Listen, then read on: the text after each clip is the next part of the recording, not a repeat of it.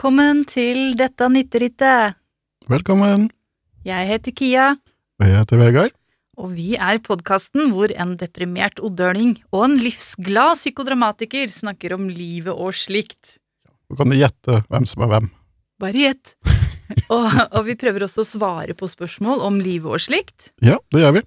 Og vi prøver å gi gode råd, men ikke fra et sånt ovenfra og ned-perspektiv. Vi er ikke sånn som kommer med unsolicited advice og sier 'hør nå her, sånn og sånn burde du gjøre'. Vi er mer sånn den andre siden av mynten, av rådgivningsmynten. Vi liker å se på det sammen, snakke om det sammen, kanskje komme med noen ulike perspektiver og forslag, og så sende det respektfullt tilbake til deg som har spurt om det, og så kan du gjøre akkurat hva du vil. Og sånn er det rådgivningen skal være, syns vi. Ja. Vi kan gi dere eh, vårt eh, perspektiv, og så kan de gjøre hva du vil med det, egentlig. Ja. Hører du litt dårlig Jeg hører ingenting. Hører du ingenting i Men nå hører jeg. ja. Det er fordi jeg hadde eh, PC-spaken oppe. Ah, Sånn eh, en nå var det litt i mesterlaget. Var det litt i mesterlaget nå. Da skrur jeg litt ned igjen. Takk. Her i denne podkasten så er det jeg, Kia, som er tekniker. Og, Det det. og jeg gjør så godt jeg kan. Ja, det, det gjør det jo bra. Ja, jeg har ikke radioteknisk utdanning faglig, men uh, jeg styrer spakene opp og ned, det blir lyd av det. Uh, ikke send uh, kritikk hvis du ikke liker lyden, eller Nei, vi er ikke mottakelige for kritikk.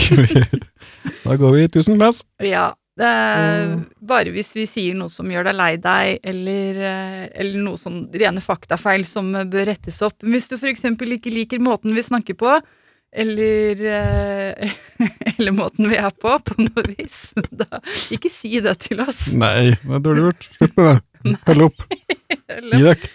Og, det, det er, og sånn er det jo livet. Altså, alt er ikke for alle. Um, Nei, det kan, du kan slutte å høre på, for Ja. eksempel. Hvis det, hvis det er så fælt å høre på, Nei, det er ikke slutt. Nei, for, nå, fortsett å høre på. Du kan hate å høre på oss. Mm, um, bare ikke si noe om det. Og, Nei. Ja. Det for deg sjøl. Bare sitte her og være eitom forbanna. ja, dyrk agget. Det er mye Ja. livskraft i det. Å, agg. Ja. Mm. Her kommer vi med gode råd allerede. Ja. Unnskyld meg. På Odalsvis. Ja, agg Det, det, det prates mye om hva vi skal leve av etter øljen, oljen eh, nasjonalt, men eh, i Odalen, altså lokalt, så er det i hvert fall agg. Ja, det, det, og det har vi masse av. Det er en utømmelig ressurs, og det, går an å, det er veldig lett å lage mer. Det er fornybar. Den, Mhm. eh, Veldig bærekraftig. Ja, det er det. Ja. Jeg prøver å gjøre litt med spakene, selv om jeg koketterer med at jeg er veldig teknisk eh, radiofaglig udyktig, så prøver vi å ordne litt med lyden her. Kia er jo veldig flink. Det er, det er jo Kia som får oss til å høres ut som folk. Jeg bare klipper bort eh, sånn cirka 75% av alle ø-ene våre, men det er også det eneste. Det er veldig ufiltrert versjon til oss de får her. Ja, jeg er rett fra levra, uten filter. Rett fra, Sier det vi mener, klør oss der det klør. rett fra skjoldbruskkjertelen. Ja. Um, men ja, eh, så kanskje vi kan si det sånn Hvis du veit om noen måter å få lyden enda bedre på, som er helt åpenbare og lett å få til, da kan du få lov å gi oss råd. ja. I, I brevs form. Ja. Um, men også, vi vil jo som sagt gjerne gi råd, og det kan du få hvis du sender inn spørsmål om livet og slikt på nitterittet at gmail.com. Det var nitterittet at gmail.com. Og så kan du følge oss på Instagram, Twitter og Mastodon. Det kan du. Der har vi eh, brukerhandel eh, at nitterittet eh, på alle steder. Mhm. Og så kan du bli med Facebook-gruppa vår. Da søker du opp dette nitterittet på Facebook, og så trykker du på knappen, og så blir du med. Ja! Fin gjeng. Begynner å nærme seg 100 stykker. Hør der. Det kom én til i dag. Velkommen! Hei til deg. Du vet hvem du er. Og jeg vet hvem du er.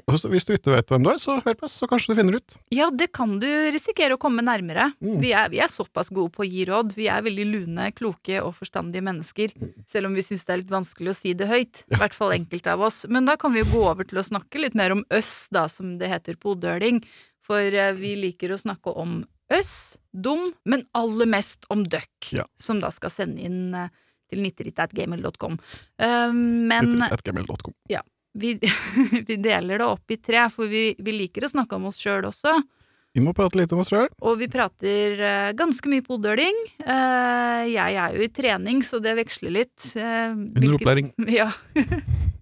Hvilken målform jeg bruker. Men altså spaltene, da, eller kapitlene, heter Øss, Dum og Døkk. Ja. Og nå skal vi snakke om Øss. Nå skal vi prate om øss. Og ja, vi er jo eh, Vi har liksom begynt å eh, annonsere, eller reklamere med at eh, vi er dep en deprimert oddøling og en livsglad psykodramatiker. Ja, Så det er liksom depresjon. Det har blitt brandet ditt da, Vegard, for det er du som er den deprimerte. det er det. Um, det, blir, det blir jo mye depresjonsprat. Um, jeg, jeg har på mange måter blitt eh, norsk depresjons ansikt utad. Ja, hvordan føles det? Nei, det er jo jeg er ute og går, da, eller lunter, som jeg gjør, eh, så kommer de løpende frem fra og kratt eh, og sier Og se, der, der er han som er deprimert! Kom! Så går vi og prater kjempehøyt til den. Ja. Hei! Si noe deprimerende, da, Depo! Hun da. Uh, nei, det er fiksjon. Jeg, jeg går jo selvsagt litt ut. Nei, Um, du går ikke ut, og når du gjør det, så kommer ikke folk flyvende fra alle kanter for å pirke i deg og si ha-ha, se på han som er deprimert. de har ikke med seg en liten pinne, så de stikker meg gjentatte ganger med. Men så sier si noe deprimerende. Øy, øy, øy. Og ler sånn som Nelson i Simpsons. Deprimert. Det er lite av det. Um, nei, jeg, vil- jeg vil jo ikke være norsk depresjonsansikt utad. Eh, Når det er sagt, så, så jeg, her er det litt mer, eh, litt mer depresjonstakes. Ja, du har litt å fortelle Jeg har litt å fortelle, fra ja. din klarer- depresjon. Klarer ikke å dy meg, vet du. Jeg får høre. Nei, det går på det at den, eh, hos, eh, hos behandler da, eller terapeut, eh, slik sykdommen arter seg hos meg, da, det er jo at jeg har litt sånn eh, Jeg har litt imposter syndrom for sykdommen. Du er redd for ikke å være fucka nok. Ja, jeg er det. Jeg er redd for at, det, at hvis, jeg, hvis jeg er for fint kledd, eh, for, for veltalende i samtale med behandler, eh, at hvis jeg virker for blid, for omgjengelig eh, i møte med behandler, så skyldes det ikke eh, internalisert eh, positivitetstyranni eh, eller eh, people pleasing, men at de egentlig er friske og bare spiller sjuk. Ja. Og da kan du spørre hvorfor spiller du sjuk, Vegard? eller Mm. eller så kan du da spørre min indre kritiker. Og det, ja, ja det sier det. det. Det er vel for å få oppmerksomhet, da, sikkert. ja, For du elsker oppmerksomhet. Jeg elsker det. Det er det beste du vet. Ja. Ja, det, jeg, jeg tror det kommer vel til erfaring, at jeg har hørt liksom folk, eh, folk si om om syke som ikke har synlige sykdommer, eh, og er, eh, har frekkheten å vise seg ute i det offentlige rom, at nei, han er ikke syk. Se, han går der. Han er jo så blid. og Det er smiler. Han smiler. Er nok viljen det står på, tenker jeg. Ja, ja. Ja, han bare skulkesjuk. Ja, det er mye som står på viljen, vet du. Nei, men ja, jeg hadde jo tenkt å foreslå det. Kanskje du er lat og ikke gidder å jobbe, da? Ja, det det, inntrykket sikkert min Jeg er så enig med deg. Ja. ja. Nei, men jeg bor jo med deg, da, så jeg ser jo en god del til deg. Og jeg kan jo bekrefte at eh, du spiller i kurs. Det var, det var godt å høre, og beklager. Jeg kan trøste deg med at du er skikkelig dårlig. Men du er i behandling. Jeg er Og- behandling, jeg er det. Du er eh, på bedringens vei. Ikke en sånn der veldig lineær eh, rett strek oppover, men litt sånn eh, loop de loop. På den, den eh, veien jeg skal følge, og den veien fører til rett plass. Mm. Men hvis du noen gang har tenkt at noen ser for blide ut til å være deprimert eller eh, være sjuke, eller er for mye på internett til at de, ja, at de burde jobbe mer, for du ser at de, de er jo på internett, eh, så ta, ta deg et par runder med deg sjøl, for det, det er veldig mye du ikke ser. Eh, og folk, eh, folk skal få bruke den energien de har eh, på å være litt glad og delta litt eh, og på sine måter. Ja, sant. Og folk, eh, folk viser, det, viser deg den sida de vil vise fram. Mm, og det skal du være glad for. Ja, ja, Du skal oi, være glad for at ikke alle deprimerte kommer til deg og sier Åh, Jeg har ingen tro på meg sjøl i dag, og livet er helt svart. Vær glad for det. Um, dessuten vil jeg jo legge til at eh, livet ditt også blir bedre hvis du er litt mer sånn uh, raus og tror godt om andre mennesker. Det er faktisk sant. Det er det. Mm. Bare, bare la folk og, og, og tro på at folk vet best om seg selv. Som regel. Så er det ingen som frivillig går inn i en depresjon, eller lever med angst. Nei. Nå skal jeg leve med angst et års tid, det blir moro. ja, skal jeg prøve det. Noen drar på jordomseiling. Angst eller Bali? Mm. Hmm, åh, jeg hadde fått angst hvis jeg dro til Bali først. Bali er kanskje noe av det jeg frykter mest. Nei, jeg tenker bare på flyturen. Jeg hadde, jeg hadde nok kost meg på Bali. Eh, Men eh, vi får ta Bali-turen eh, om noen år. Jeg, har jo, jeg er jo den livsglade av oss. Det er liksom eh, befesta nå, da. Eh, og det er jo sant, jeg er jo veldig livsglad. Ja. Eh, på dette punktet i livet mitt så er jeg det. Jeg omfavner det. Jeg er litt lei meg i dag, fordi eh, det er ikke noe som har skjedd direkte med meg, men det er en som jeg er glad i, som har mista noen veldig nærme. Mm. Og hun er jo i en sånn situasjon nå at da, du føler som om bakken har åpna seg, ikke sant, som man gjør når man mister noen som er så nærme. Og det er fælt å være vitne til og se på at noen har, så, har det sånn, da. Ja, det er det. Eh, og så, så vet jeg at det er liksom De første dagene etter at noe sånn har skjedd, så er alt bare kaos, og det er krise, og det er sorg. Og så prøver de rundt å gjøre så godt de kan, da, så vet jeg jo selv, jeg har jo også erfart å miste noen, at folk, folk rundt de sier mye dumt. Ja. Og så når, når jeg er i den rollen, at jeg er en av de som er rundt, så føler jeg også at det, det er veldig fort gjort å si noe dumt. Jeg har veldig lyst til å si noe sånn så, så, det går nok bedre, skal du se. Men det går jo ikke bedre, det går jo ikke bedre på lenge ennå. Nei. Det er ikke slik at det er noe magisk du kan si som gjør at alt kjennes bedre. Det er du kan hjelpe på noen annen måte enn å, enn å vise at du er tilgjengelig, da. At du er der for den Ja, personen. men det, så, det føles som så lite, ikke Ja, sant? Det gjør det. Men, eh, men så er det ikke noe mer man kan. Det er ikke noe mer jeg kan gjøre heller. Så jeg har kommet til at det er, det er bedre På en måte det er bedre å prøve og, enn å ikke prøve.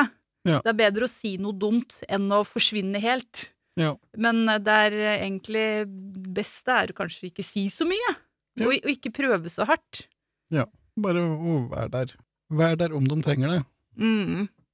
Så for å være helt ærlig, så er det kanskje mitt eget ubehag også jeg prøver å uh, dempe, da, når jeg får den impulsen om å gjøre det bedre. Si noe oppmuntrende. Ja. Uh, så da Ja, slik, er, slik er vi jo. At vi har lyst til å fikse folk som Ja. ikke har det bra, og som, som sliter med noe. Da skal, vi, da skal vi komme inn og si nei ja, men dette skal vi ordne opp i. Ja, ikke sant?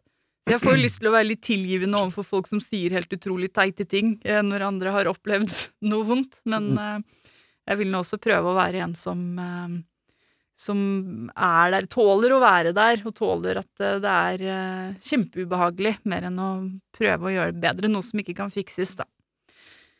Så det, det er meg i dag, og ellers så har jeg opplevd et imposter syndrome hey. av et slag, jeg også. Og det, Vegard, var jo i forhold til deg, eller liksom overfor deg, Ja, eh, på en måte. Uh, veldig rart. Det var noe vi planla denne episoden av denne podkasten. det var det. Det var, det var ikke med vilje fra min side. Nei. Det, eller det var, det var Jeg gjorde ingenting for å oppnå dette. Nei, du, gjorde, du er helt uskyldig i dette, men jeg projiserte min uh, indre kritiker over på deg. Og så tenkte jeg at nå syns Vegard at jeg er skikkelig dum og teit og rar, fordi jeg gikk over i en litt sånn faglig og saklig modus og snakka litt høyt om eh, forskjellige måter å løse ting på, og hva man kan ha godt av. Og, og hva jeg trodde om ulike ting, som dere skal høre etterpå når, når vi skal gå over til rådgivningen. Og så ble jeg sånn overvelda av sånn der teit, teit, teit-følelse, og så projiserte den på deg. Nå syns Vegard at jeg er teit. Men det det handla om, da For jeg tok, tok noen runder med det her, heldigvis. Eh, sånn at vi fikk prata om det og, og, og, og fått det på det rene at det var ikke du som tenkte det. Eh, det det handla jo om at eh, jeg, jeg har jo forskjellige moduser, forskjellige roller i livet. Og når jeg driver med psykodrama, så er jo liksom Jeg tar lederansvar, jeg tenker eh, på deltakere, jeg tenker litt faglig, jeg tenker mellommenneskelig. Prøver å ha litt sånn overblikk. Mm. Da er jeg voksen, da. Ja. Det er liksom den versjonen av meg selv. Eh, Når jeg er hjemme med deg, så sitter jeg og fiser i sofaen og er liksom en trash goblin. og den, den versjonen kjenner du best. Og så at du skulle se voksenversjonen av meg, da følte jeg at å, nå spiller hun sånn skuespill og later som og hvem, ja, ikke sant? Det var, det var bare helt rart. Men jeg, eh, nå, nå, etter at vi prata om det, så gikk det over. Ja, Så, så bra. Jeg, jeg sitter jo og fiser i sofaen samme og, og jeg holder på med. Så ja. det, jeg, jeg føler et tett nærvær og, og kollegaskap med, med fisekia. Ja, Og det, jeg elsker fisekia òg.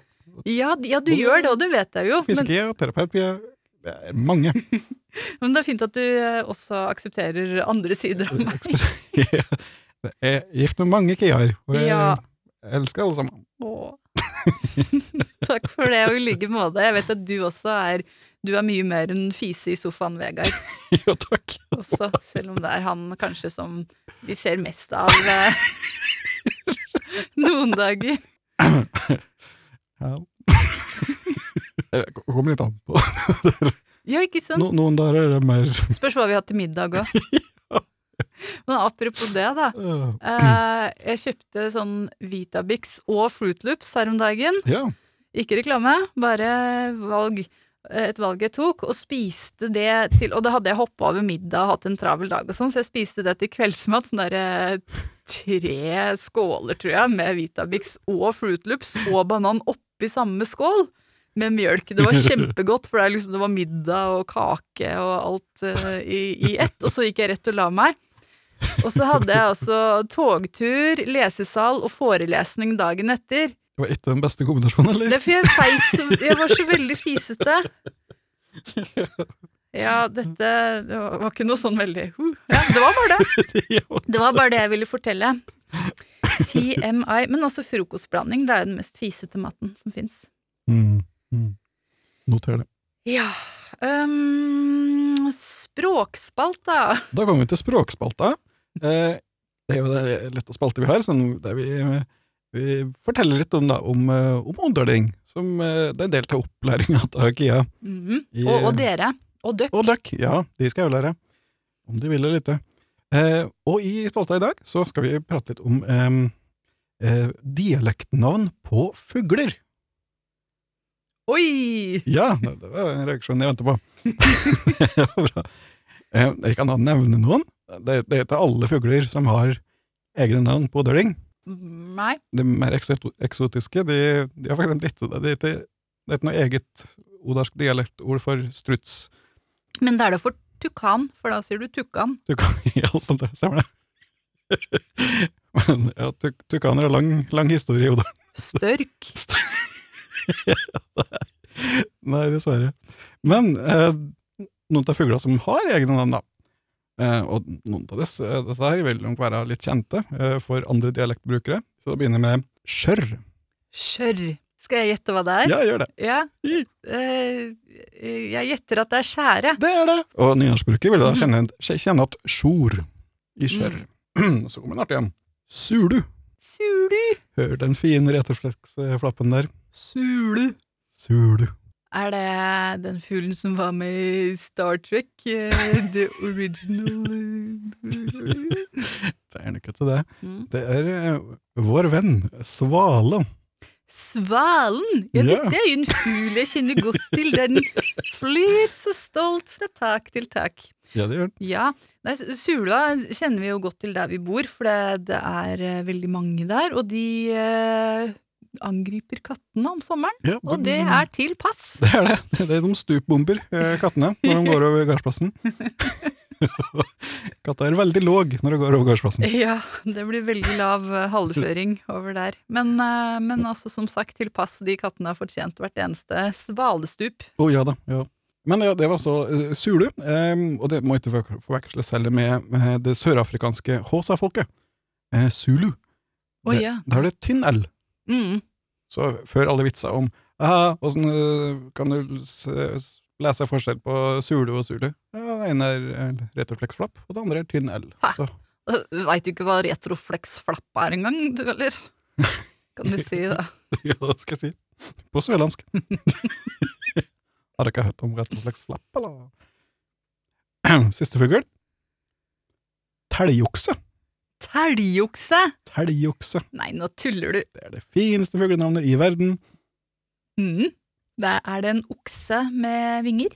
Det, det Nei, det, det, er, For det skulle man tro. det skulle du, ja. Nei, det er altså eh, kjøttmeis. Kjøttmeisen heter teljokse i ordene. Eh, kjøttmeis er tertit, er det noen som kaller den. Neimen, tertit. Og så finnes det noen gærninger som sier Kjøtt-Erik. Men, men, men de folka, ja, de skal vi holde oss langt unna.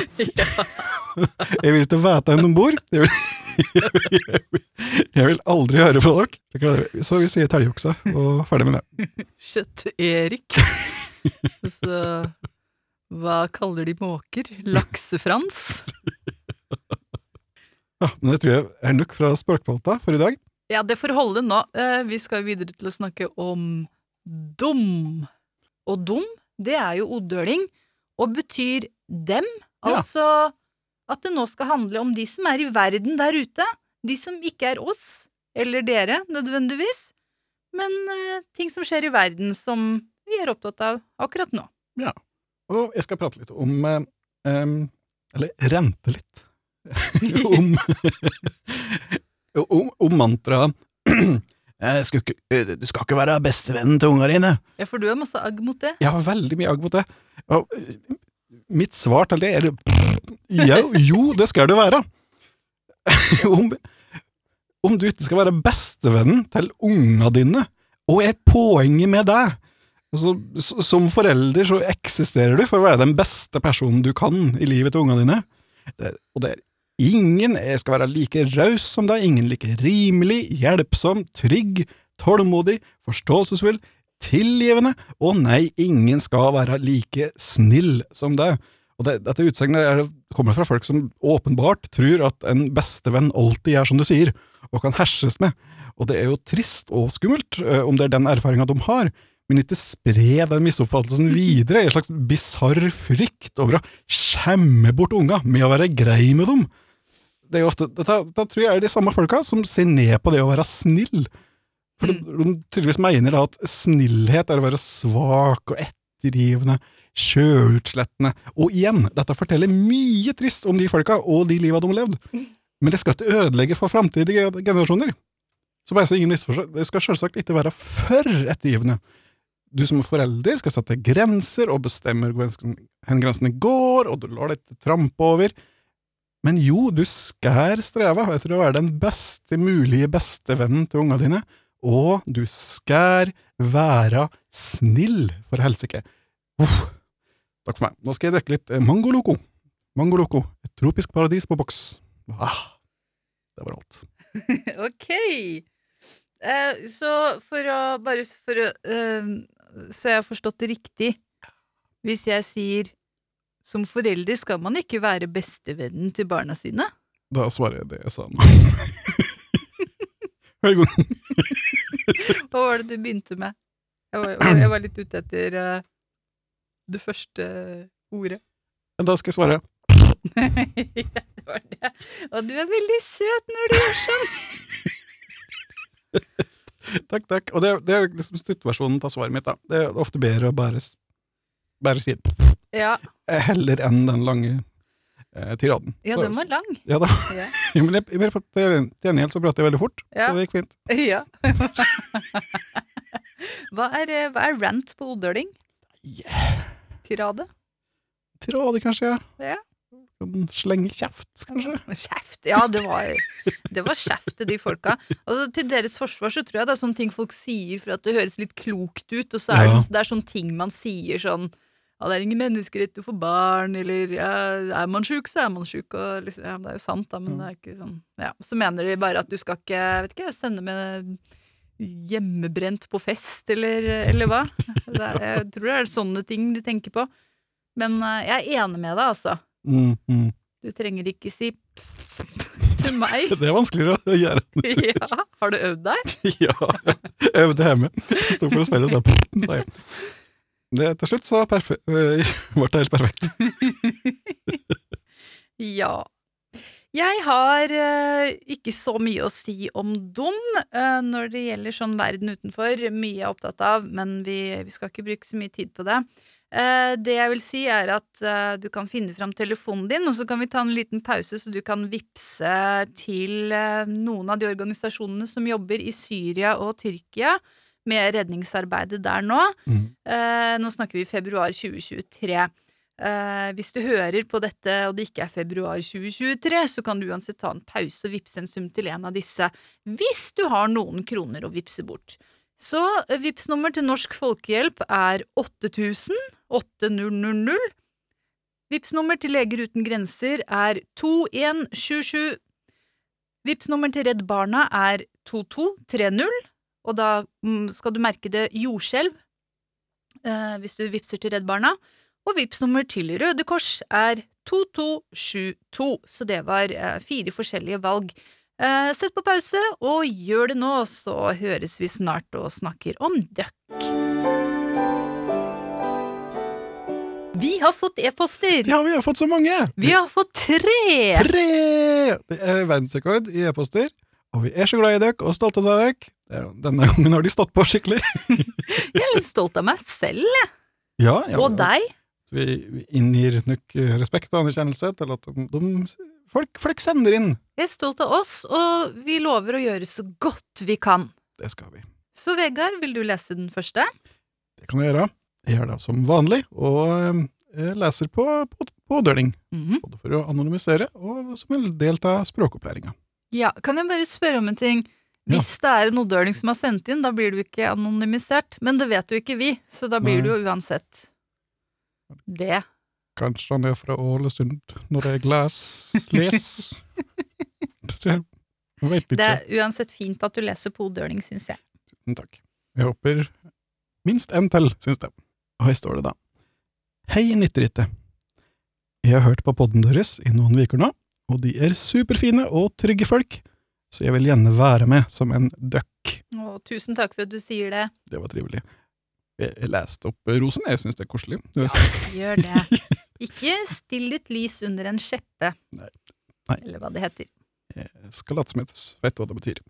Det Har de- Bibelen. Ja, jeg vet det. det. Bi Bibelen? Aldri hørt om. Har de noen små råd til en 24-åring som føler at alle andre, dum, skuter ifra deg?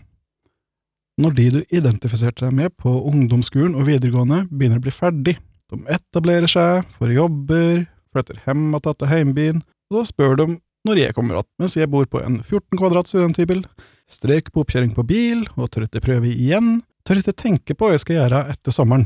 Da er jeg utdannet adjunkt, og jeg vet ikke om det er med opprykk engang. Hva er opprykk! Er det ingen på adjunktskolen som kan svare på det? Det burde være Huk tak i en adjunkt og spør. Dette skal vi finne ut. Har jeg opprykk? kan du si. Jeg googler. Skal vi vente og se. Jeg finner ut dette. Fortsett å lese, du skal okay. komme tilbake til det. Jepp. Det kommer svar om opprykk. Bare vent litt. Vi fortsetter. Eh, Vikarjobber, som du blir utrolig glad i, men hele vikargreia er som en gutt som du holder på med, men som ikke vil kalle deg kjæresten sin foran vennene sine, og som glemmer bursdagen din. Bu. Følelsen til å henge att i dette kappløpet. 24 er litt vanskelig. Eller så er det bare fordi det er januar, søndag og grått. Og det var det når du skrev denne e-posten. Nå er det februar og grått. Nå er det februar og grått, så det Men lyset kommer, og, og ting blir bedre. Dette Og- var også da fra eh, ei som vil stikke av og bli gubben i Gubben og katten. Tusen takk, du som vil stikke av og bli gubben i Gubben og katten. Er det greit? eh, Tusen takk, gubbe. tusen takk, gubbe. Kanskje vi kan kalle deg for um, Gubben Petson wannabe? Gubben Petson, ja. ja for vi, vi leser den svenske versjonen av Gubben og katten. Så vi, så, Selvklart. selvfølgelig. Nå har jeg googla adjunkt med opprykk. Oi. Få høre. Eh, For å bli innplassert i stillingskoden adjunkt kreves 240 studiepoeng godkjent utdanning, inkludert PPU. Det er vel pedagogisk Nei, ikke pedagogisk praktisk Ja, PPU. Eh, For å bli innplassert i stillingskoden adjunkt med tilleggsutdanning, eh, som er eh, liksom synonymt for opprykk, da, Mhm. kreves tilsvarende, men 300 studiepoeng. Så Akkurat. opprykk er tilleggsutdanning. Du trenger da 60 ekstra studiepoeng. Så kanskje du skal gjøre det og bli 25. Og Kanskje du skal bli adjunkt med, med opprykk? Kanskje det er moro? Ja. Ja, men det tror jeg er moro. Hvis hun er, eh, hvis hun er Den som er adjunkt, vil sikkert bli med opprykk. Den som er Ja. adjunkt, du er fornøyd med det. Kan ha det sikkert fint uten opprykk. Ja, ja da, de har sikkert det. Ellers så tenkte jeg litt at å uh, være adjunkt uten opprykk, det er liksom som heter Vegard uten det til slutt. Ja, Men det er kanskje ikke helt sammenlignbart. nei. Jeg tror ikke det. Vi vet ikke så mye om å være adjunkt, men vi vet at eh, det er en lærer. Ja, og, og nyter høy respekt i samfunnet. Ja. Og, bør få enda høyere. Så Ja, gratulerer med det. Gratulerer. Uh, å være det, eller å være i ferd med å bli det. Og så skriver du at øh, alle de du har sammenligna med deg med uh, på ungdomsskolen og videregående, de begynner å bli ferdig. Og når du sier ferdig, så regner jeg med du mener med utdanninga, da. Ja, altså ferdig og etablert og Ja, og da liksom Er du da Er det et sånt øh, løp Når du er ferdig med det, da skal du tilbake til hjembyen din? Eh, fordi det er vel ikke nødvendigvis sånn at du må det? Det er du ikke. Men eh, jeg, jeg, skjønner, jeg skjønner, og jeg kan relatere til en sånn følelse av at jeg er 24, alle andre gjør det, jeg gjør ikke det, jeg er ikke kommet like langt. Det er et kappløp, altså kappløp om hva, det vet jeg ikke, men det, jeg kjenner følelsen, eh, og den går ikke over Nei. med alderen, hvis du ikke da bevisst eh, legger den fra deg, eller hopper av kappløpet, eller um, Nei, men dette med liksom, å henge etter resten av samfunnet, at du kjenner at, at du kjenner at det, resten av samfunnet drar fra deg, Ja. og de du kjenner som du sammenligner med, drar fra deg, det er jo en veldig kjent problemstilling som aldri blir borte. Ja, og den, det er noe alle har. Og, og Mm. for deg og meg, Vegard, så er du kanskje litt mer reelt, da. For det, vi, har, vi har begge tatt litt alternative veier i det normerte løpet med, når det gjelder utdanning, kjøpe eget hus, uh, den slags.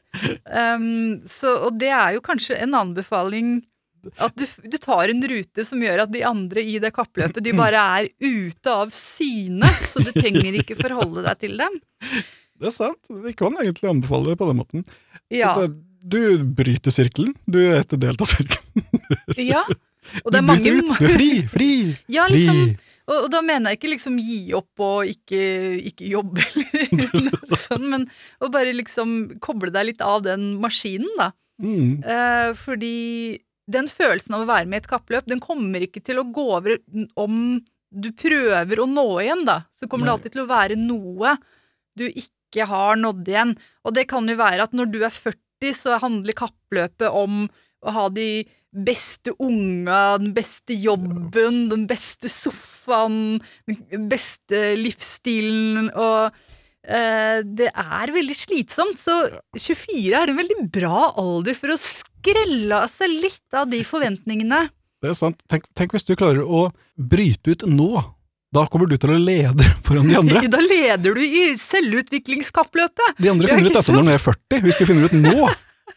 Å, oi, oi, ingen kan stoppe deg. Break the wheel. Bare bytte ut en eh, Bare overfør samme tankegangen på et annet område, så kan du alltid føle deg som en vinner. Jeg føler meg som en vinner på å ha gått masse i terapi. Det er mange som må begynne med det når de er 40. Jeg er ferdig. For nå, da, i hvert fall. Jeg begynte når jeg var 40, og se se åssen det går med meg. Vegard gikk ikke i terapi. Hvem er det som er den livsglade av oss nå? Det, det, det, det er ikke jeg. Ja, det er meg, det. Vi, vi flåser litt, men vi mener det også. Du kan godt bare ta og se på det ordet kappløp, og se om du vil omformulere det litt.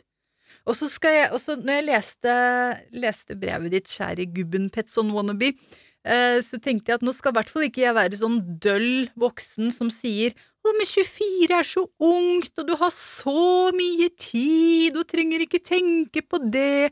For sånn husker jeg folk sa til meg da jeg var 24, og de har for så vidt rett, du er jo ung, du har masse tid og muligheter og sånn, men den følelsen av at eh, alle andre gjør noe annet og har nådd lenger, og at eh, tida er knapp, den går jo ikke bort for det, den Nei. er jo der. Den tidsopplevelsen man har, er bare ikke sånn at noen på noe tidspunkt føler at de er kjempeunge og har masse tid, dessverre. Du vil aldri være helt på linje med alt. Du vil aldri være, kommet like langt på alle, alle stadier som skal til. Nei. Det vil alltid mangle på minst ett nivå. Ja, men uh, Og, og det, er, det, er, Nei, nei, bare fortsett, du. Eh, og det, det, er jo noe, det kan ikke være noe mål i seg sjøl å være med på kappløpet. Hvorfor er du med på kappløpet, da? Ikke gidd det. Hvor fører det kappløpet? Hva er sluttmålet? Altså, formålet er vel å ikke føle seg som en fucka taper som er helt utafor gjengen. Eh, bare for å snakke fra mitt eget eh, liksom Gjette fra mitt eget perspektiv, da. At det er jo liksom den følelsen man vil unngå. Så du vil egentlig ikke oppnå noe, du vil bare ikke føle deg som utafor. Ja, det, det veit jeg jo ikke.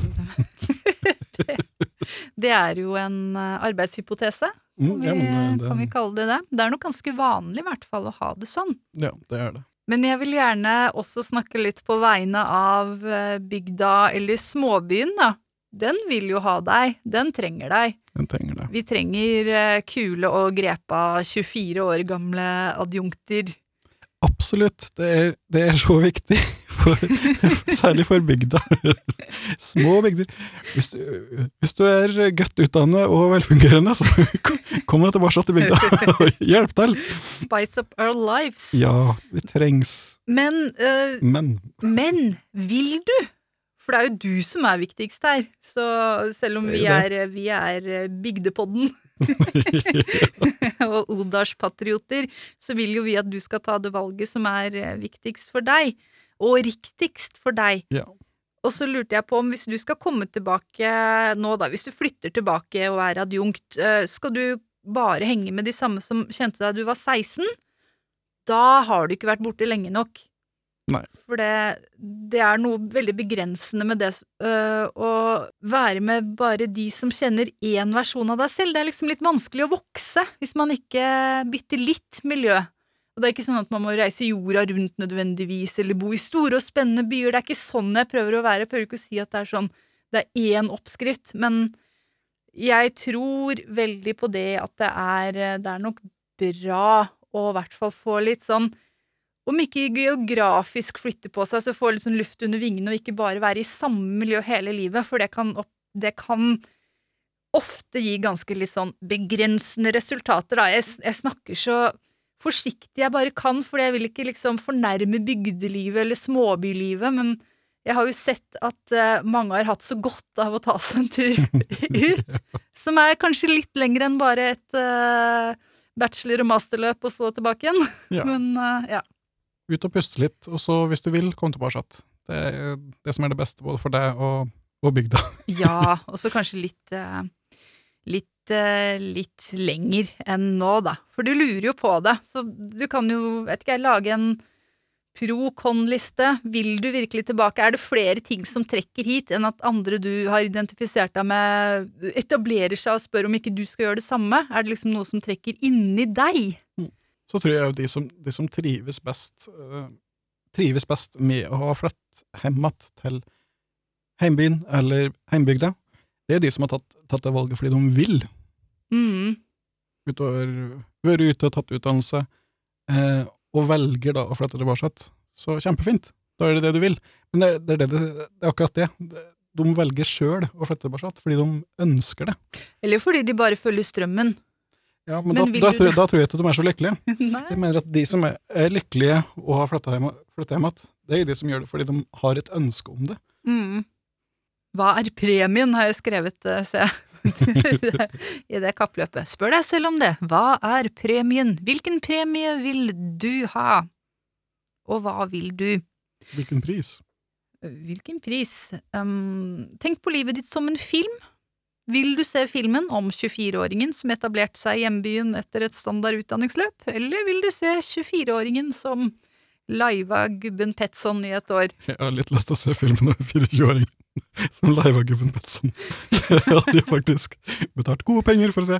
Men, men ja, tenk, tenk nøye over det. Det er jo ikke alle som vil at livet skal være som en film heller, men det kan være én ting og et perspektiv, da. Jeg tenkte jeg skulle gi deg en uh, øvelse, jeg. En uh, liten lekse. Og det er at du tar en sånn mental visualisering av deg selv, og finne deg et godt sted å sitte, ta noen gode pust, lukke øynene, og så se for deg selv om fem år. Og da trenger du ikke tenke så mye på om du får et klart bilde, men bare ta det første som kommer opp i hodet ditt, og liksom se hvordan ser du ut, og hva har du rundt deg da? Det er deg selv, men det har gått fem år. Hvordan er ansiktsuttrykket ditt? Og hvem og hva har du rundt deg? Og du trenger ikke bruke sånn kjempemye tid på det, bare du får opp et slags bilde, det trenger ikke være så klart. Men så kan du skrive et brev til deg selv, som deg selv, den personen du har sett om fem år. Skriver et brev til deg, hvor du forteller deg selv om valgene du har tatt, og hva som er viktig for deg. Det kan hjelpe. Mm. Det kan være at eh, du selv kan gi deg selv de aller beste rådene. Sånn er det aller oftest. Tenk at du har nøkkelen, nøkkelen sjøl til å løse dette. Ja, svaret bor i deg. Kjempemasse lykke til. Eh, Jeg Lykke til. eh, vet at uansett hvor du ender opp med å bo de neste åra, så kommer omgivelsene til å få stor glede av deg. Ja, Det tror vi. Og, og hvis du for eksempel ikke er fra Odalen, um, og hjemstedet ditt er en annen, en annen stand, så kanskje du skal flytte til Odalen. Kanskje det viser seg det. Ja! Der bor vi. Kom til Odalen! Ja. Bli vennen vår. Vær så snill. Vi er så ensomme!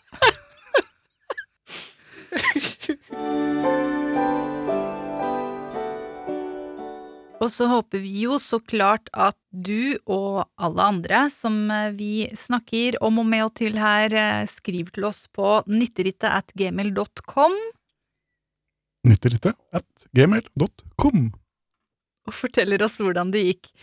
Veldig bra eh, skjuling av at du har munnen full av smågodt, Vegard. Jeg måtte ta litt smågodt. Vi har investert i smågodt for denne innspillinga denne gangen. Vi hadde lyst til å kose oss litt. Ja. Ja. Eh, Men nå kan jeg skru av mikrofonen din, for nå skal jeg lese brev. Og der står det Kjære Kia og Vegard. Tusen takk for deres hjertevarme, trøste og bære-podkast. Deres humor og klokskap og betraktninger rundt livet og hverdagen er en fryd å høre på. Gleder meg til flere podkaster fremover. Og tusen, tusen takk. Tusen takk. og hjertene våre blir så fulle, og vi gleder oss til å lage flere podkaster fremover. Er og vi er stolte over å ha så bra folk som lytter på oss. Ja, for det, det, det må jo bety at vi er ganske bra. Ja, Vi er jeg skulle tro det. At de to tingene henger sammen. Det, er, det blir for stort å tenke på. Jeg leser videre. Jeg har hatt en venn gjennom to år. Det var jeg som sendte venneforespørsel på Facebook fordi han virket som et reflektert og kunnskapsrikt menneske ut fra kommentarer på venners vegger. Det hører med til historien at vi hilste på hverandre på et fagseminar allerede i 2008, og jeg minnes ham som en ruvende og flott mann, og han kom med kompliment til meg. Nå skrur jeg på mikrofonen igjen, Vegard, for det, da kan jo du eh, kommentere litt mens jeg leser også. Ja, det var Nå ser jeg at du er ferdig med å tygge godteri. Jeg er smågodt eh, i magen. Vi har hatt enormt mange telefonsamtaler de siste to årene. 90% av samtalene har hatt fag, sak og politikk som tema. Vi har møttes fysisk fire-fem ganger, og det har vært veldig hyggelige stunder, i absolutt vennskapelige former. For ett år siden ble jeg oppfordret til å søke en liten stilling under han, og vi har jobbet sammen siden. Uh. Jeg har for øvrig en full stilling i tillegg utenfor organisasjonen. Mm. Under et fysisk møte nylig fremkom det at vi begge er på Tinder, og begge var enige om at Tinder egentlig er et slitsomt og vanskelig prosjekt. Mm. Jeg har hatt en tanke om at han har likt meg veldig godt, men vært usikker på om han egentlig har ønsket å være i et forhold. Nå som han var på Tinder, valgte jeg å si som sant er at han er veldig attraktiv i mine øyne. Han responderte med å si det samme, som meg, nei, samme til meg. Han fortalte at han hadde tenkt tanken om oss to mang en gang, Oh. men siden jeg har vært i et forhold, har han lagt bort tanken om oss to. Mm. Min interesse for denne mannen har blomstret opp etter at jeg ble singel, faktisk har jeg likt ham over gjennomsnittet godt helt siden jeg tok kontakt med han. Vi deler viktige verdier og interesser, jeg trives godt i hans selskap, og tenker vi kan være en veldig god match. En venninne sier hun har sett for seg oss to som et veldig bra par, helt siden hun hørte om vennskapet vårt. Hm. Mm. Så til spørsmålet mitt. Hvordan vil styret i organisasjonen reagere på oss som par? Vårt arbeidsforhold var inntil nylig mitt hovedankepunkt. Jeg tenker det blir feil å blande arbeid og kjæresterelasjon i en liten organisasjon, men i jobbsammenheng møtes vi bare noen ganger i året. Vår relasjon vil derfor ikke virke inn på noe arbeidsmiljø. Mine oppgaver er klart definerte. Jeg innser at det kan være vanskelig å gå tilbake til et helt uproblematisk arbeidsforhold dersom han og jeg ikke fungerer som kjærester. Hvilke andre fallgruver ser dere? Vi tenker nå å bli kjent og informere styret om overgangen fra vennskap, og informere styret om overgangen fra vennskap til noe mer ser ut til å fungere. Hva tenker dere, nytter det eller nytter det ikke? Hilsen en som aldri gir opp kjærligheten. Uh, spennende og liv Mm. laga, og du har jo liksom langt på vei løst. Ja, det, det, Takk. takk, takk for spørsmål og svar. Du løste ditt eget problem i løpet av e-posten, eh, nesten, men eh, spør om vi tror det nytter eller ikke, da, og det, jeg tror det nytter. Ja, det tror jeg det nytter. Supert at du aldri gir opp kjærligheten. Eh, og du ser at eh, dette kan være litt eh, vanskelig. Det virker som du går inn i det her med åpne øyne. Ja, og så tror jeg, tror jeg, jeg tror det er positivt for, for ledelsen at, du at du viser at du tydeligvis har tenkt gjennom eventuelle problemer eller problemstillinger som kan oppstå på grunn av det sjøl. Mm. Dette tror jeg ikke de har noe, vil ha noe å si på. Altså, Nei, på grunn av at de ikke jobber sammen. Ja. Men hun sier at hun jobber under ham, men det er kanskje ikke han som direkte har noe arbeidsgiveransvar for henne, da. Det er, hvis han ikke har den typen makt. For da, da er jo problemstillingen også helt annerledes. Og så vet vi jo ikke hvilken organisasjon det er heller. Men eh, ja, Så det kan jo potensielt være ganske problematisk. Men eh, jeg vil håpe at eh, hvis alle, alle forhold ligger til rette, og dette er liv laga, at, at det ikke er det, da. For det hadde jo vært så bra. Mm. Eh, og så tenkte jeg på det at jeg var jo faktisk din, Vegard, sin overordnede på jobb da vi ble kjærester. det var du. Eh, nærmeste, nærmeste overordnede. Men um, ja, vi Og det ordnet seg jo. Men jeg, jeg, altså, da jeg var forelska i deg, og det, jeg ikke hadde sagt noe ennå, og du ikke hadde sagt noe til meg, så jeg visste ikke om det var gjengjeldt, så hadde jeg, da var jeg helt gæren i huet. Å, jeg er så forelska i denne mannen. Um, prater du om meg? ja. så jeg hadde tenkt å tilby meg å slutte jobben og sånn, og da visste jeg ikke om du likte meg tilbake engang. Det var bare for at jeg, oi, jeg kan ikke gå her og ha alle disse følelsene. Men eh, ja, det ordna seg fint, og det ordna seg fint med ledelsen òg. Ja. Men viktig å sjekke ut. Um, Ja, for det, det er jo det, det, kan, det kan være et problem. Altså, kommer an på eh, åssen de jobber sammen, og hva de, hva de jobber med, så klart. ja, Om det er en arbeidsgruppe, men nå er det jo nå er det jo, virker det som at du, du jobber direkte under han, uten at det påvirker eh, ja, påvirker andre, egentlig. ja. Vi vet jo ikke hvordan organisasjonskartet ser ut, men kanskje det er litt sånn under ham, men ikke sånn at, han er, at hun rapporterer direkte til ham, da. Mm. Men dette veit du best sjøl og, og finner ut av. Men det det i hvert fall høres ganske sikkert ut som, er at det ikke blir sånn der klining i gangene. Hvis det virkelig oppstår støpmusikk, fordi dere ikke er fysisk på samme sted Nei. så ofte i denne jobben. Ja, for det liker ikke ledelsen. Da kommer oi, slutt å kline i gangen, sier Ja, så Det blir kleint for kollegaene òg. Kanskje de klager. Hvis, eh, hvis dere kliner for mye, i hvert fall. Ja. Mm, Tafser på hverandre og Inn blir, De blir sjalu, vet du. de blir det. Mm. Skal de inn og ta en kopi, vet du, så der står de ved kopimaskinen. Ja. Åh, de da. Så har dere funnet en god løsning allerede på, på hvordan dere skal gjøre det. For det, det hadde jeg jo Det hadde jeg også tenkt som dere, at det, det er liksom litt rart å si fra til styret først. Og så går dere på to-tre tamme, kleine dater og finner ut at det ikke skal være dere, og så har dere allerede lagd en big deal ut av det. Så det er jo lurt å møtes først og se om det er eh, like bra som det virker sånn, da. For å, i, ifølge e-posten så det både høres og ser veldig bra ut, Ja, det virker lovende, dette her. Det virker veldig lovende. Jeg har jo veldig sansen da for sånne jobbromanser som blomstrer opp, Uh, obviously, siden jeg valgte min underordnede Vegard. altså, da Det hørtes jo helt feil ut. Var er slik meint. Um, ja, og så Ja, det, det er en jobb du elsker, så da håper vi at det er en jobb med et ålreit, uh, forståelsesfullt styre òg. Mm. Mm. Og så er det veldig bra at du ikke gir opp kjærligheten. Og dette, ja, det høres kjempeliv laga ut, og eh, du er jo allerede på god vei. Du har egentlig allerede funnet ut av masse, masse av det her eh, sjøl, så vi er eh, Vil bare si to tomler opp. Og kjør på med akkurat passe tempo. og passe med liksom øynene oppe og Tilpass farten etter forholdene. mm, Men, Tilpass eh, ja. farten etter forholdene. Men Fortell oss all- hvordan det gikk. Ja, jeg gjør det. Og all lykke til. Mm.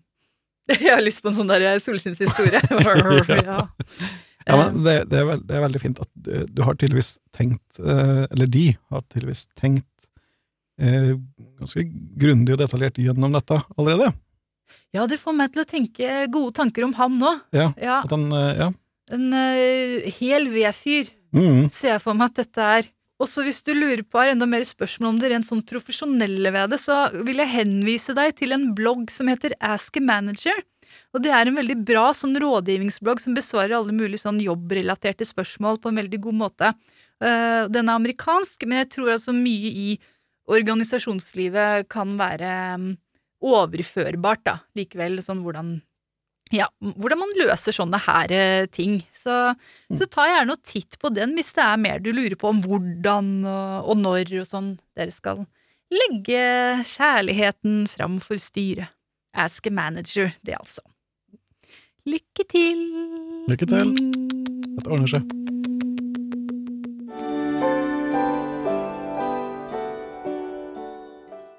Jum, jum, ha!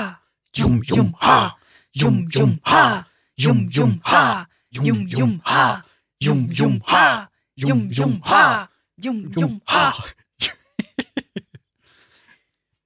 Det har vi lært av mektig datter, som um, Har lært av Boba. Ja.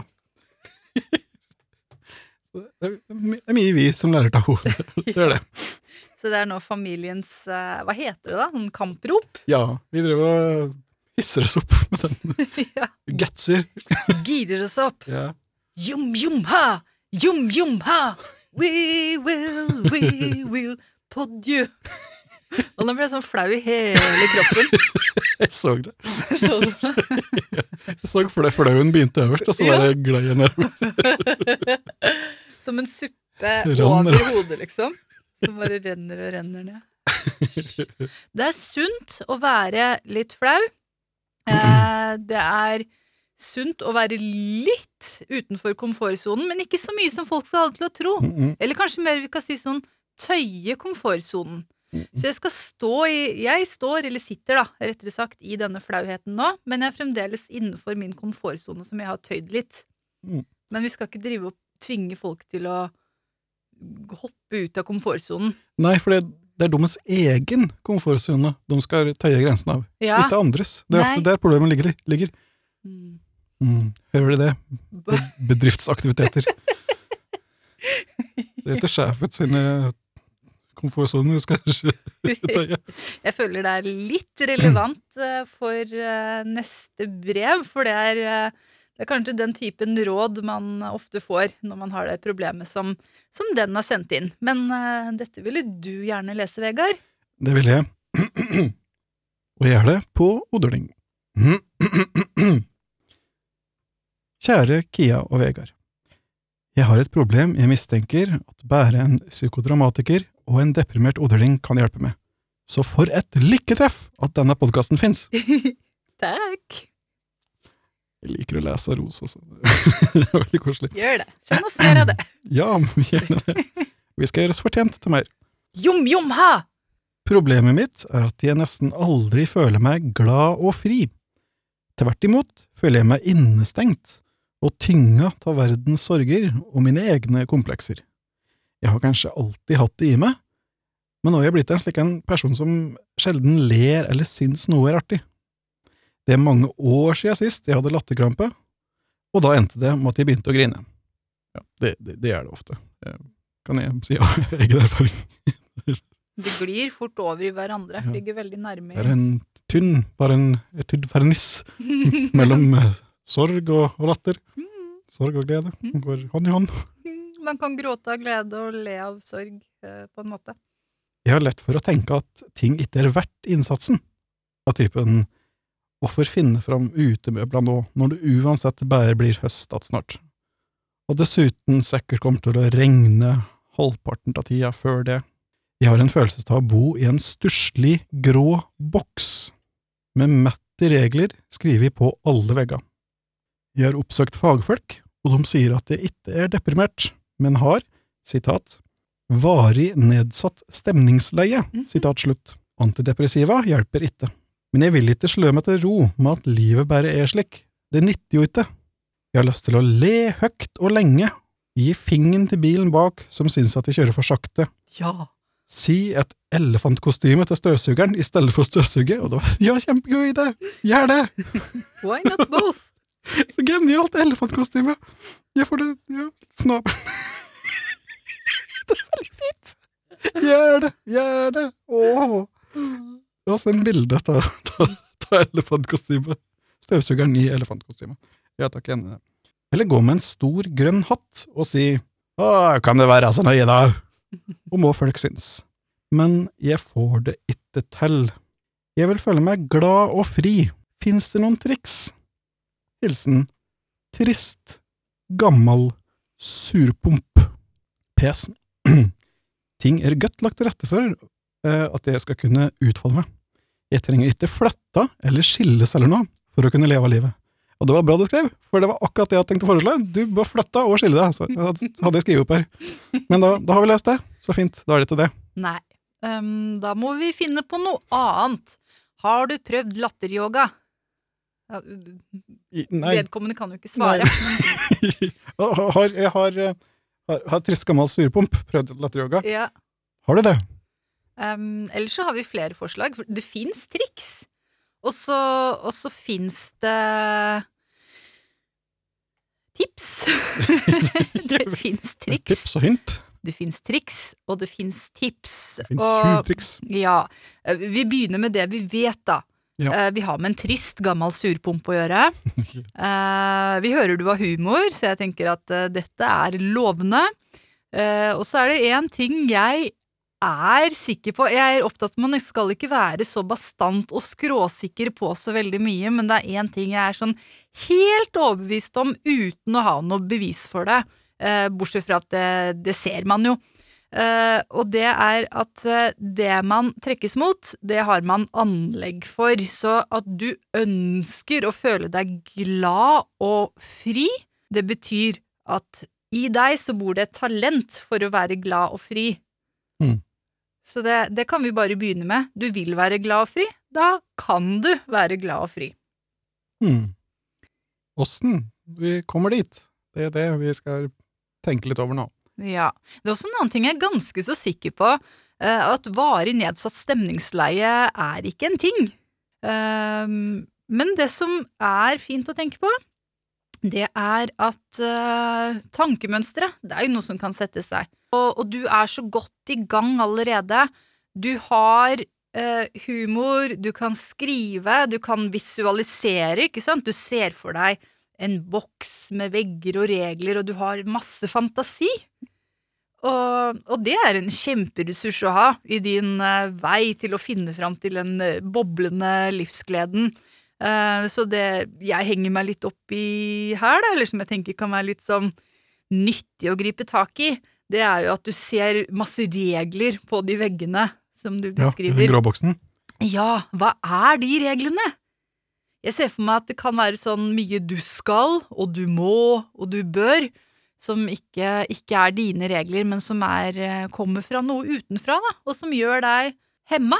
Ja. Så det- hvis, ja, hvis du virkelig skulle Hvis du skulle gjøre en sånn øvelse ut av det her, da, sånn som jeg noen ganger har når jeg har grupper, så har jeg tegneøvelser for å liksom virkelig få få det konkretisert, liksom sånne øh, forestillings... Hva som bor i forestillingsverdenen vår. Så, så kan du tegne de veggene og skrive de reglene bruke litt sånn gråfarger eller, eller hva på, de, på den boksen, og så se hvilke regler er det som står der. Og så kan du lage en ny tegning, og så kan du skrive på reglene som du ønsker å ha. Det tror jeg er øh, et fint utgangspunkt for å få liksom litt sånn konkretisert hva du ønsker, øh, hvordan du vil ha det, og få, og få på en måte manifestert at det er viktig. Mm. Det som er viktig for deg, det er viktig. Og det er viktig for deg å ha det gøy. Det er klart det er det, det viser jo at du Som Kie nevnte, du, du, du har jo humor, du er jo kreativ. Jeg, hang meg så voldsomt opp i det der elefantkostymet til støvsugeren. Mm, Det er den beste ideen jeg har hørt noen gang. Det, spis godteri midt i en podkastinnspilling og gomle. jeg gjør det. Mm, mm, ja, fri og glad, bryr meg ikke om hva folk syns. mm. Nei, men det er jo det, også, så, Som Kie sier, eh, det viktige er at du, om du klarer å formulere reglene du ønsker der for det, i og med at Når du ser for deg den grå boksen med de eh, eh, fullt opp med regler som står der, så er det jo andres regler, eh, får jeg bestemt inntrykk av. Det er jo ikke regler du har satt der. Jeg tenker det er regler du har eh, internalisert Mm. inni din boks. Og, og mange av de er jo kanskje regler som man må følge uansett, men det er kanskje ikke regler som du trenger å ha sånn smalt med store bokstaver på veggene dine. Nei, det trengte å være slike blokkbokstaver på alt. Nei. Og er det sånn du, det, det er, Hvis reglene er sånn det er veldig viktig hva andre syns, eh, eller det er veldig Det er veldig viktig å være høflig i trafikken når noen andre er uh, uhøflige og utålmodige. Som er helt feil. Mm. Ja, der har vi jo Dette har jo vi diskutert, Vegard, for jeg har jo vært litt sånn løs med langfingeren noen ganger, og da blir jo du eh, ikke, ikke redd for å være uhøflig, men du blir litt engstelig. Ja, jeg blir, det. jeg blir engstelig. Overraskende nok. Mhm. Da regner jeg med at uh, folk kommer til å stoppe bilen og dra oss ut av bilen og ha ha høles. Har Eh? Og det, det vil jeg gjerne unngå. Ja, Men, men jeg støtter jeg støtter reaksjonen, bare ikke utførelsen ja, jeg forstår. Ja. Det er kanskje ikke så lurt å vise fingeren, men hvis du skal vise den, så er sånne folk som kjører bak folk som holder eh, fartsreglene og vil kjøre fortere, eh, sånne folk som bør få en fortjener å få en langfinger Hun fortjener det absolutt. Gjør det. i fleisen. Og de blir vel ikke noe bedre av det, så jeg vet ikke om det er noe sånn. Det er ikke akkurat et offisielt råd fra oss om at du skal begynne med det. Men uh, vi Vi skal ikke få skylda for sånn bølget av finger i, finger i trafikken framover. Men, men eh, en mental finger teller om, absolutt. Ja, du skal kose deg med tanken, i hvert fall. Å ja. Den skal du nyte.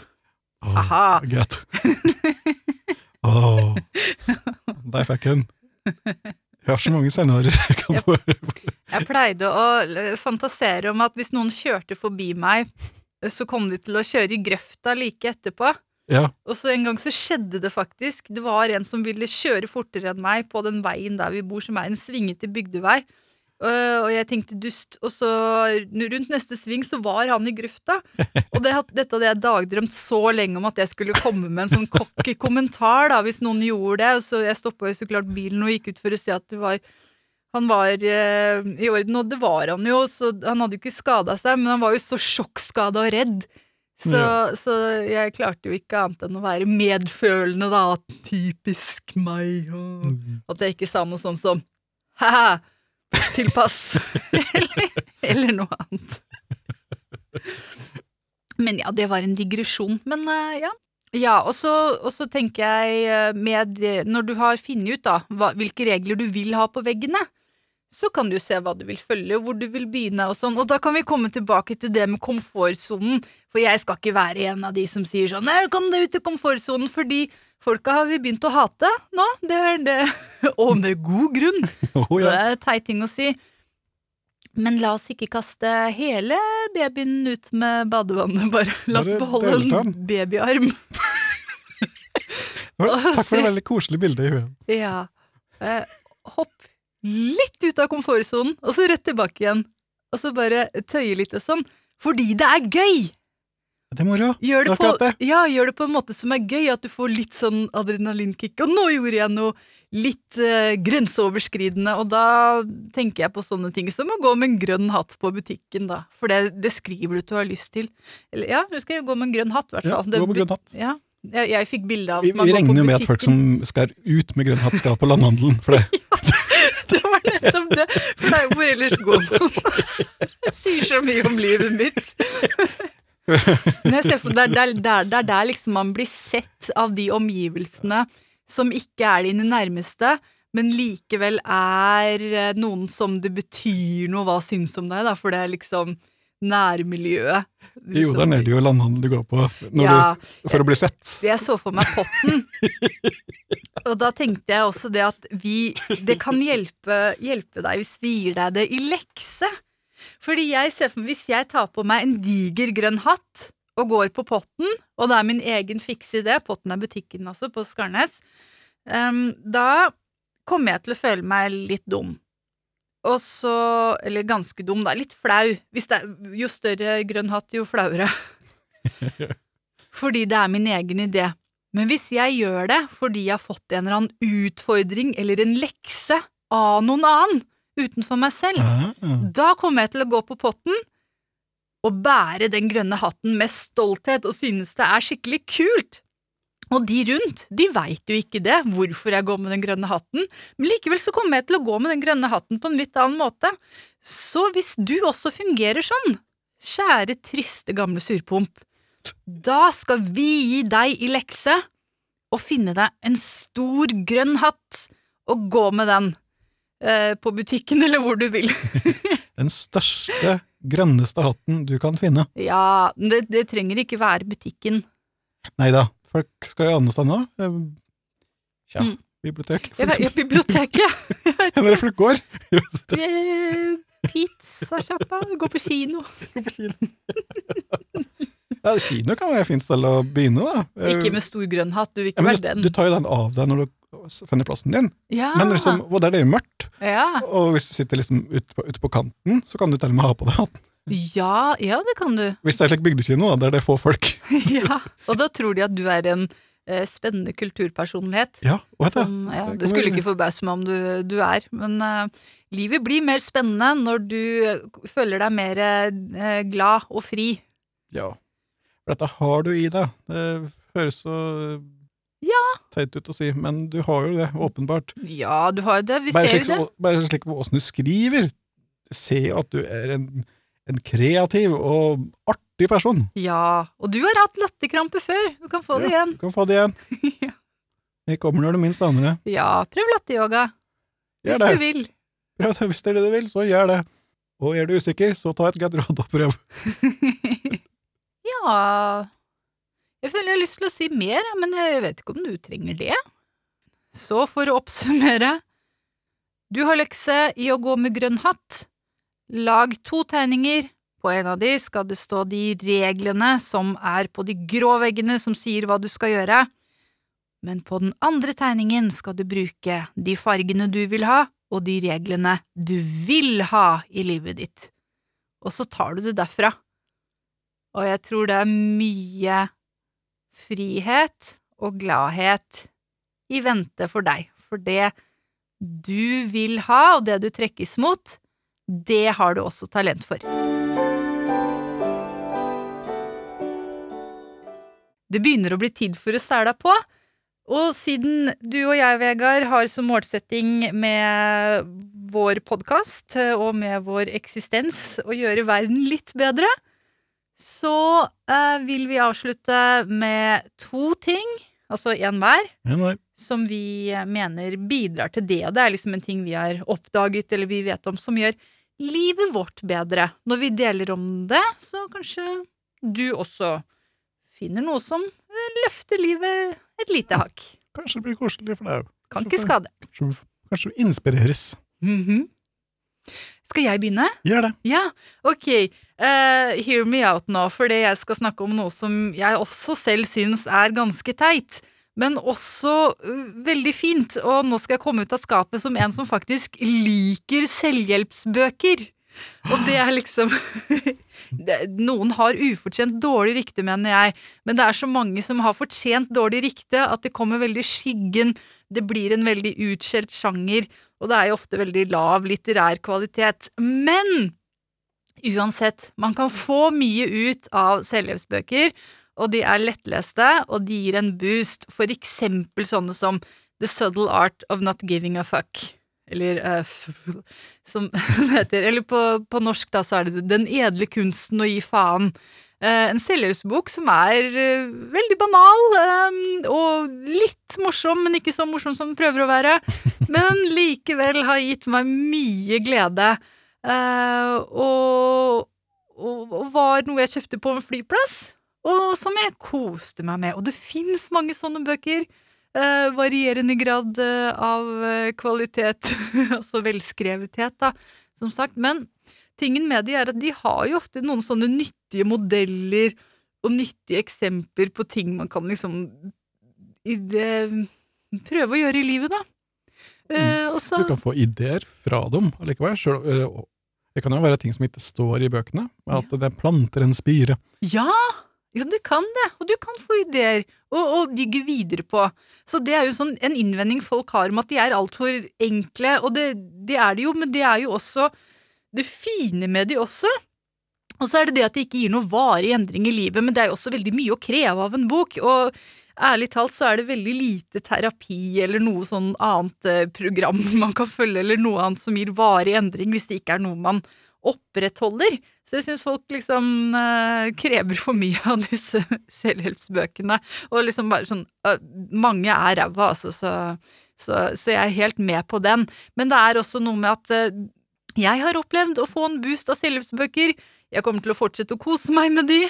Og Let women over 40 enjoy things er også noe jeg tenker, for det er jo veldig sånn typisk at noe som eh, vi middelaldrende kvinner eh, har glede av, er det som blir mest latterliggjort. Ja, det er slik som kvinnfolk holder på med.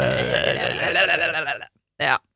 Så gå og les deg en god selvhjelpsbok med god samvittighet. Ja, det var et godt råd. Eh, det jeg skal prate om denne gangen, det er noe jeg har utviklet sammen med vår mektige datter Kanskje du skal skrive en selvhjelpsbok om det? Kanskje det. Vi får se. Det blir nok litt lenger ned i, ned i gata her. Dette, dette kommer så veldig langt, langt i, i utviklinga her.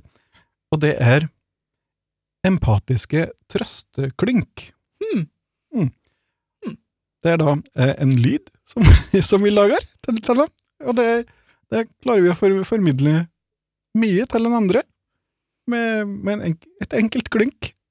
Og det, eh, det klynket, det betyr um, kan, kan, kan, bety 'jeg forstår, men nå er det slik det er', og 'vil du ha en kos, så er jeg her'. Og lyden er som følger. Hm. Hm. Så den har vi begynt å lage til en når vi, når vi skal sove. Og kanskje vår mektige datter ikke vil sove. Det vil jeg ofte ikke. Så lar det rase litt, og så når jeg er klar for å sove, så sier jeg hm. Da svarer hun hm. Og så kryper jeg opp i senga. og det er veldig koselig. Et, um, det heter så ofte jeg blir, jeg, blir, jeg blir, rørt av en lyd. Men den gjør det med meg, og jeg syns det var så fint. Vi, vi, kommuniserer så Vi kommuniserer så mye gjennom en sånn enkel lyd. Så prøv, prøv en liten En trøster og sier at 'jeg er tilgjengelig', og jeg er her. En liten hm, gjør verden bedre. Så da er det på tide å si hm til deg. Det er det. Og ha det bra, og takk for følget. Og hvis du vil spørre oss om noe, så er e-postadressen vår nitterittet at gmail.com. Det var nitterittet at gmail.com. Vi skal sæla på. Ha det bra og god kos. God kos. Vi er glad i dere.